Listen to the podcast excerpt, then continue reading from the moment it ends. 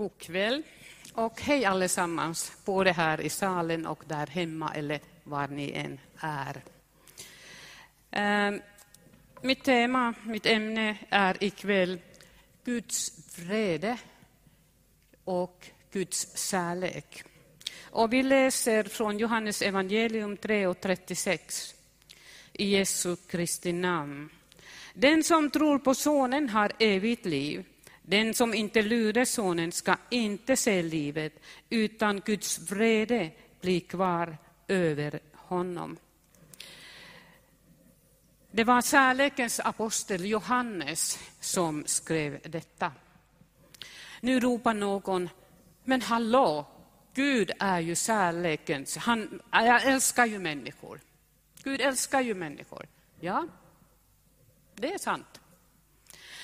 Men Guds vrede gör ännu tydligare, djupare och bredare hans kärlek och omsorg för människor.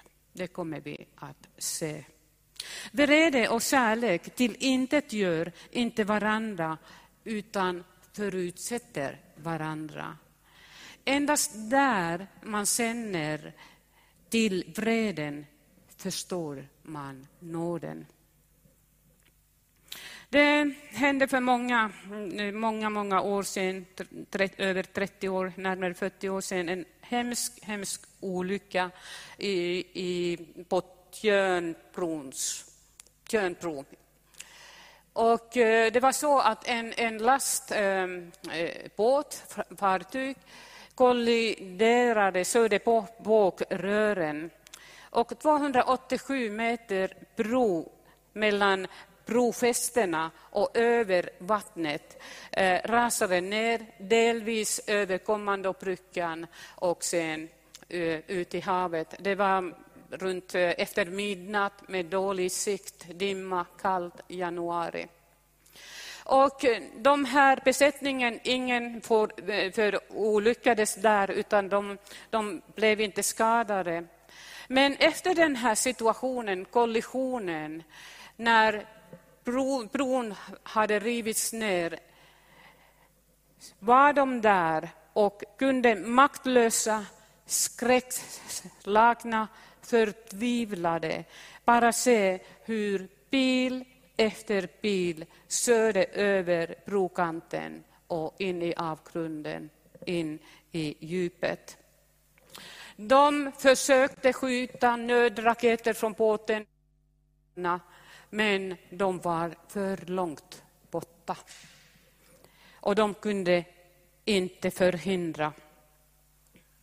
Jag kan tänka mig Guds sorg, skräck och förtvivlan för att han är en levande person, vår Gud, vår skapare med känslor.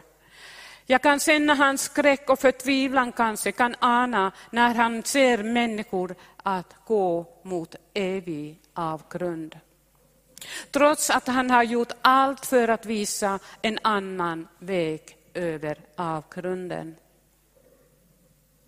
Är vi för långt borta från människor som går mot avgrunden för att kunna förhindra, för att visa en annan väg? I Hesekiel säger kapitel 3 säger Herren till Hesekiel. Jag vet, han var profet till Israels folk. Han skulle varna Israel, men vi kan ta till oss också detta budskap. Människobarn, jag har satt dig till väktare för Israels hus. När du hör ett ord från min mun ska du varna dem från mig. När jag säger till den ogudaktige, du ska dö och du inte varnar honom och inte säger något för, han, för att varna den ogudaktige för hans ogudaktiga väg och så rädda hans liv, då ska den ogudaktige dö i sin missgärning, men jag ska utkräva hans blod av din hand. Det är mycket allvarsamma ord det här. Han hade ett, Hesekiel hade ett ansvar. Gå och förvarna Israels folk. För att de ville inte följa Guds väg, utan de följde sina, eh, sina vägar. Och även om de inte skulle lyssna, så ville Gud i sin kärlek att de skulle bli förvarnade om det som väntade om de inte ville omvända sig. Vi har ett stort ansvar idag. Vi har ett uppdrag, missionsbefallningen. Vi hör och ser Guds hjärta i Bibeln om de som går förlorade. Vi ser allsmäktige Gud komma i Jesus Kristus, gå på jorden i sandaler. Vi ser honom krama människor. Vi ser honom gå till den minsta. Vi ser honom att vidröra den spetsälska. Vi ser honom bara ösa kärlek, kärlek och ropa ut genom Jesus Kristus, omvänd er från den vägen som leder till avgrunden. Jag var ett, eh, ganska så ungt, runt lite över tio någonting, när jag var hos mormor som vanligt under sommaren och gick till grannen tvärs över, över vägen och, eh, och åkrarna. Och där såg jag en bokhylla och jag frågade henne, mamman till, till äkta paret som bodde på första våningen och hon hade sin våning eller sitt rum där uppe. De där böckerna, är de... Och sen nämnde jag en, en bokserie. Nej, sa hon. Men hon sa det ingenting annat. Och i den livssituationen, nu när jag har tänkt på det här under de här dagarna när jag har förberett min text här. Jag var så kallad av Gud. Jag var så kallad av Gud, fast jag var så ung. Jag läste Bibeln, låg på sängen där i kammaren. Jag läste Bibeln, förstod inte, såg saker som jag inte förstod. Ändå hade jag en så djup kärlek till Gud, men jag såg domen, men ingen visade mig vägen för att bli fri från domen. Det dröjde ett antal år innan jag fick möta Jesus. Vi har runt omkring, vi har barn, vi har ungdomar och vi kanske tänker att eh, de tänker nog inte så mycket på sådana här saker. Jag vill påstå, mitt i den här all psykisk ohälsa, stressen i skolan, stressen i samhället, existentiella frågor som har bara ploppat upp nu med covid. Man börjar fråga sig, varför är jag här? Finns det någon hopp? Finns det någon framtid? Finns det något mer än det här konkreta som jag kan känna, uppleva? Finns det någonting för den här tomheten som jag har i mitt mindre? För att Gud har lagt evigheten i varje människa, i dig också.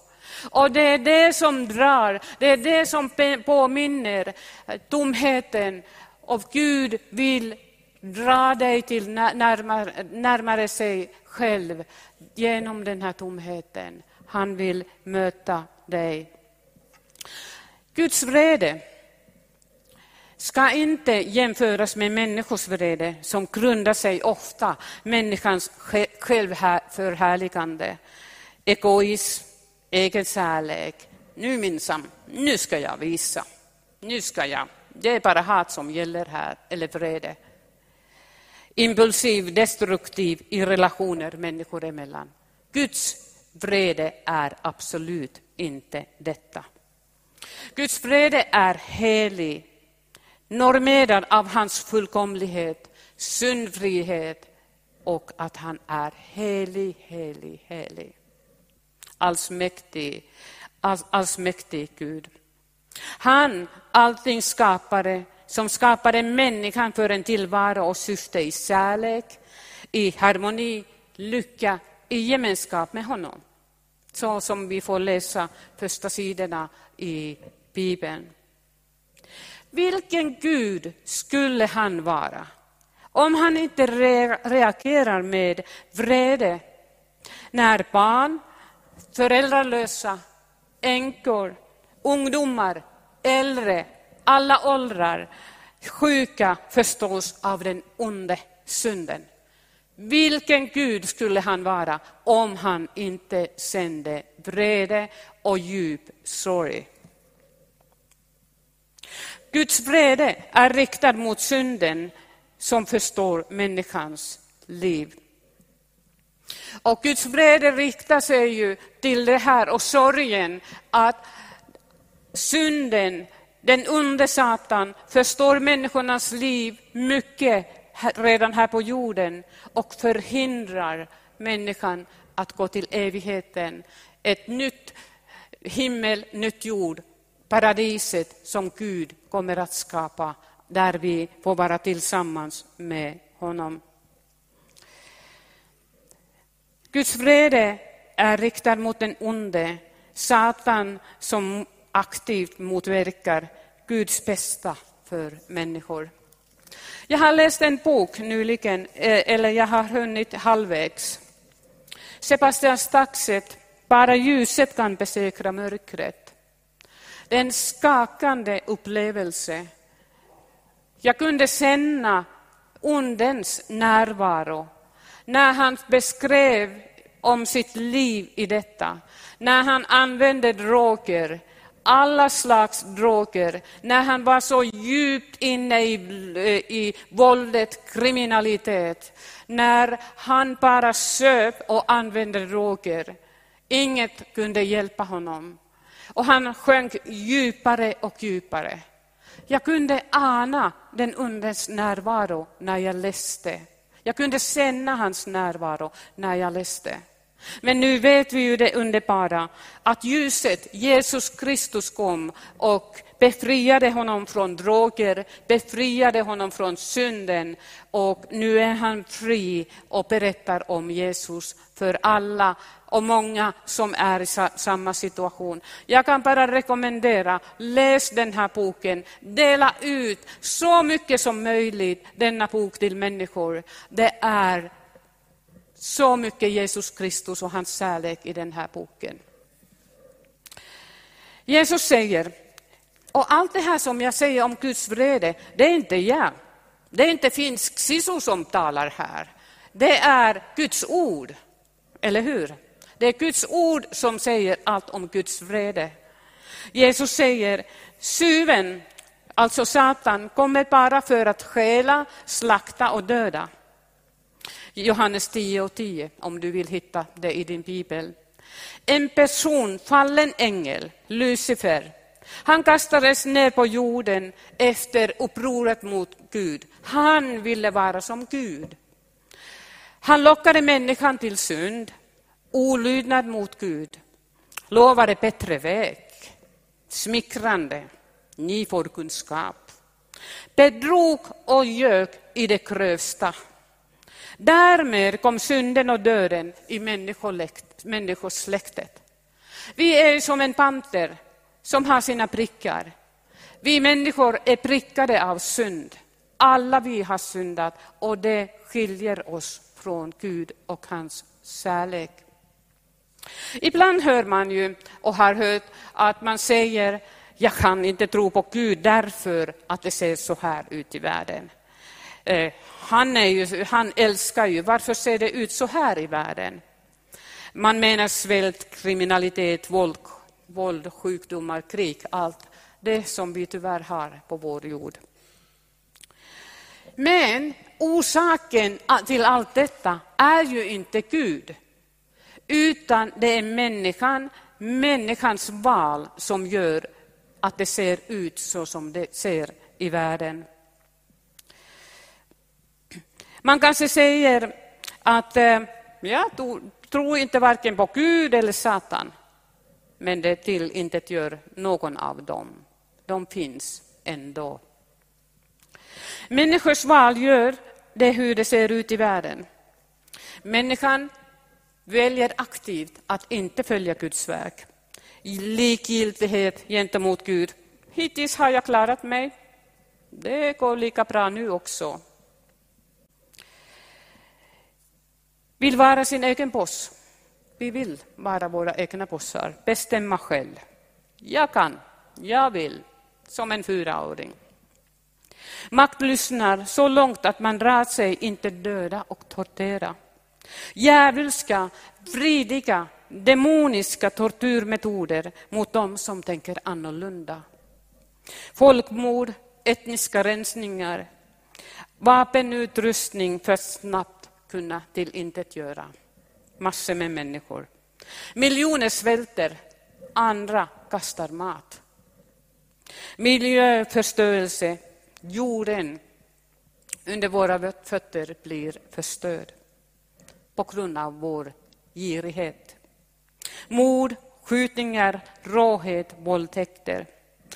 Langare ger gratis smakprov så att ungdomar och äldre de fastnar på droger och sen är det kass, kass, kass.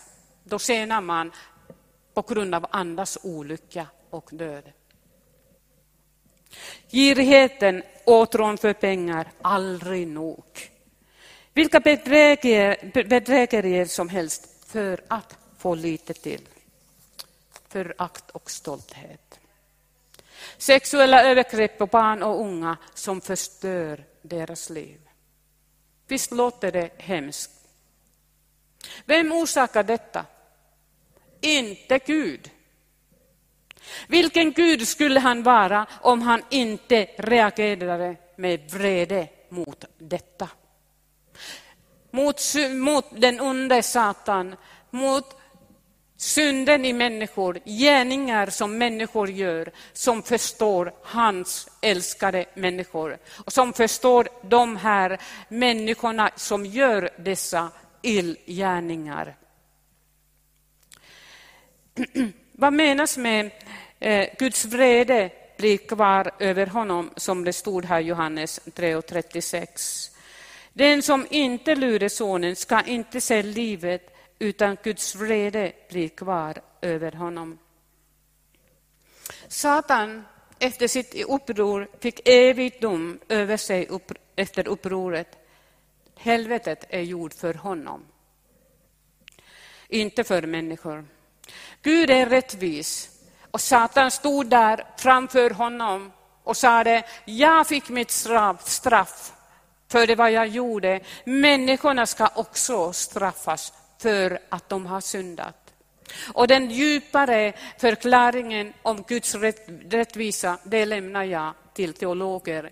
Men det finns där mycket djuphet, Guds rättvisa. Gud, Gud satt där mellan den anklagande, onde och människorna som hade syndat. Vad ska jag göra? Jag vill hjälpa mina älskade människor, men nu ligger vreden över dem, vreden över synden som finns i, lev, i deras liv. Vad ska jag göra? ropar han in i universum vad ska jag göra? För jag ser min vrede, rättvis vrede över människorna. Vad ska jag göra att jag kan rädda de människorna? Gud är rättvis och i sin helighet måste han straffa synden. Och Jesus själv säger, det är viktigt att vi tänker på hur han banar, och jag säger bara ett, tre stycken, fyra.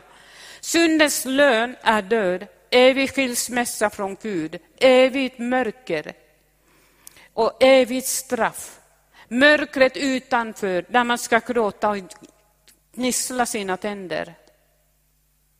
Människan har att välja två dörrar in i, i evigheten. Han tillintetgörs inte i döden, utan fortsätter att leva. Jesus varnar många gånger starkt i Nya testamentet för syndens följder för människan. Av kärlek. Vänd er om, omvänd er, se kärleken som finns i Gud för dig.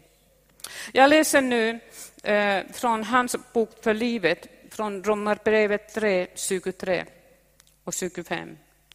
Alla har vi syndat och saknar därför den likheten med Gud som vi är skapade att ha. Nu ger han oss en möjlighet som vi inte har försenat. nämligen att ställa allt till rätta genom att vi accepterar vad Jesus har gjort oss.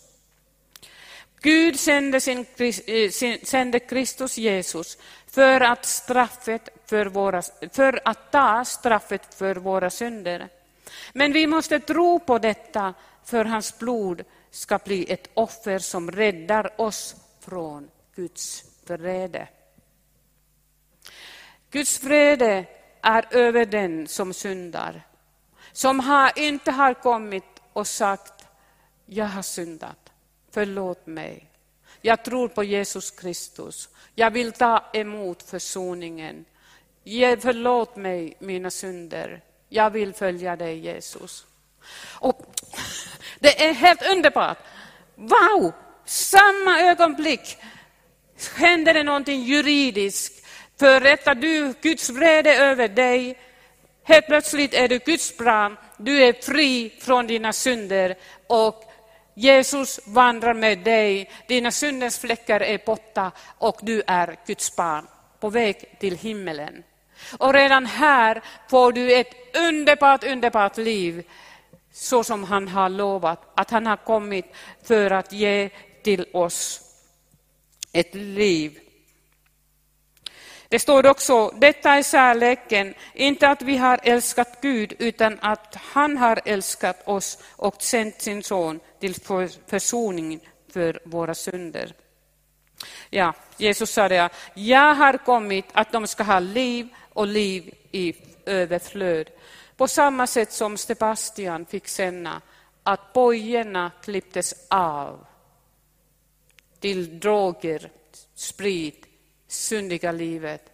Det är möjligt för alla människor. Det är detta som Gud erbjuder, för att han var själv i Jesus Kristus och försonade världen med sig för att kunna flytta bort vreden över mänskligheten. Vad är kärlek om inte detta? Vi kristna har mött Jesus. Vi vet att han lever. Vi har erfarit och upplevt många gånger hans hjälp närvaro. Vi måste berätta att det finns hopp, att det finns framtid, att han lever, Jesus Kristus, och därför vill jag också leva.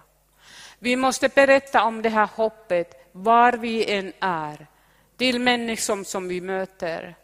Kanske till den här lilla flickan eller pojken som kommer frågande. Eller den personen som Jesus sänder på din väg. Berätta på det viset som Jesus leder dig att göra. Det finns befrielse i Jesu namn. Vi får inte vara för långt borta från människor som är på väg mot avgrunden. Vi måste vara där för att kunna hjälpa. Inte för långt borta för att berätta om Jesus kärlek. Jag avslutar med det här Jesu uppdrag för att det här säger till någonting till oss också, varför vi kan berätta. Jesus sa det, hans uppdrag, Jesus arbetsuppdrag. Och vi har fått samma ande, vi har fått helige ande som finns i oss. Precis samma ande som väckte honom från de döda och lyfte honom ut ur graven. Heliga ande finns oss. Vi, hans, vi, hans, vi har hans nådegåvor. Herrens ande är över mig, för han har smort mig till att förkunna glädjens budskap för de fattiga. Han har sänt mig att utropa frihet för de fångna och syn för de blinda, att ge förtryckta frihet och förkunna ett nådens år från Herren. Låt oss gå med detta budskap, med denna kraft i helige Ande och berätta om Guds kärlek och frihet. Amen. Amen.